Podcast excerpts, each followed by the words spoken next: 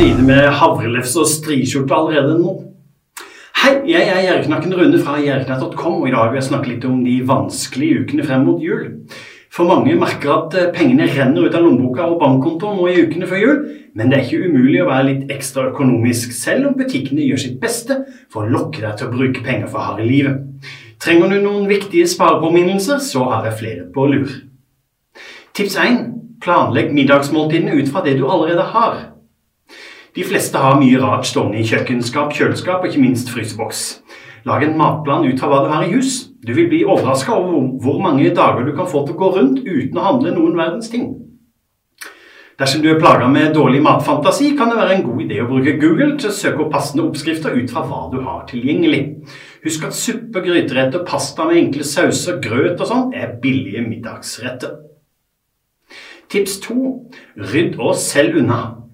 Skal huset eller leiligheten bli fin eh, til jul, er det kanskje på tide med en opprydding. Bruk ledig tid, og så vil du kjapt finne ut at ditt hjem, i likhet med de fleste andres, er fylt til randen med altfor masse unødig. Og de tingene som er som oftest verdt noe. Sjekk i skap, skuffer, bod og loft. Alle har noe de kan selge. Rydd med hård hånd, og husk at minner har man i hjertet og hjernen, og ikke nedstøva i en bolig. Det er utrolig hva andre er interessert i å kjøpe, bare du finner de riktige kanalene å gjøre det i. Søk opp de lokale kjøp- og salgsgruppene på Facebook, eller sleng det kjapt ut på Finn. Du kan selge alt mellom himmel og jord, fra poser til fancy butikker til ødelagte kopper. Alt er mulig, selv om du kanskje ikke tror det har noe verdi for andre. Tips tre kutt ut røyk, snus, alkohol og godteri. Nei, jeg mener ikke at du skal kutte ut alt du syns er deilig å kose deg med, men husk at når jula kommer, så skeier de fleste av oss ut med god samvittighet. Da er det kanskje greit å sette seg et mål om å spare litt på utskeielsen nå i ukene før jul. Det blir det fort tusenlapper av, kan jeg love. Tips fire sjekk Coop og Trumf-kontoen din. Dersom du er medlem i Coop eller bruker trumfkort når du handler, blir det fort noen kroner i bonus som står og hviler på kontoen din. De pengene er det kun Coop og Norgesgruppen som drar fordeler. Jeg anbefaler deg at du med en gang logger deg på og overfører penger til din bankkonto. Om et par dager så har du da noen ekstra kroner tilgjengelig som du kanskje ikke tenkte på fra før av.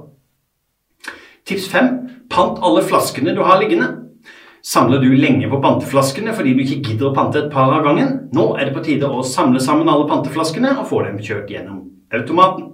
Ikke vær engstelig for å plukke med deg flasker du finner på din vei, forresten. Det er fortsatt nok av folk som bare kaster tomflasker. Tomsinger, som jeg liker å kalle dem. Hvorfor har du forresten så mange tomflasker liggende?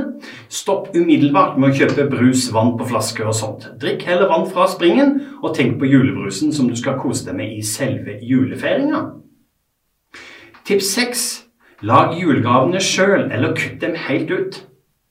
Har du ennå ikke handla julegaver, er det kanskje like lurt å la det være. Det må da være mulig å ta en prat med familie, venner og andre som pleier å bytte gaver, at dette nå er anledningen til å la det være. Om det ikke er en mulighet, så går det fint an å lage julegavene sjøl, selv, selv om en ikke er av den ekstremt kreative sorten. Tips 7. Ikke kjøp juleblader og andre magasiner.